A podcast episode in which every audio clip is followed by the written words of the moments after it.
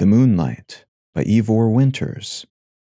I waited on, in the late autumn moonlight, a train droning out of thought, the mind on moonlight and on trains, blind as a thread of water stirring through a cold like dust, lonely beyond all silence, and humming this to children, the nostalgic listeners in sleep, because no guardian strides through distance upon distance, his eyes a web of sleep.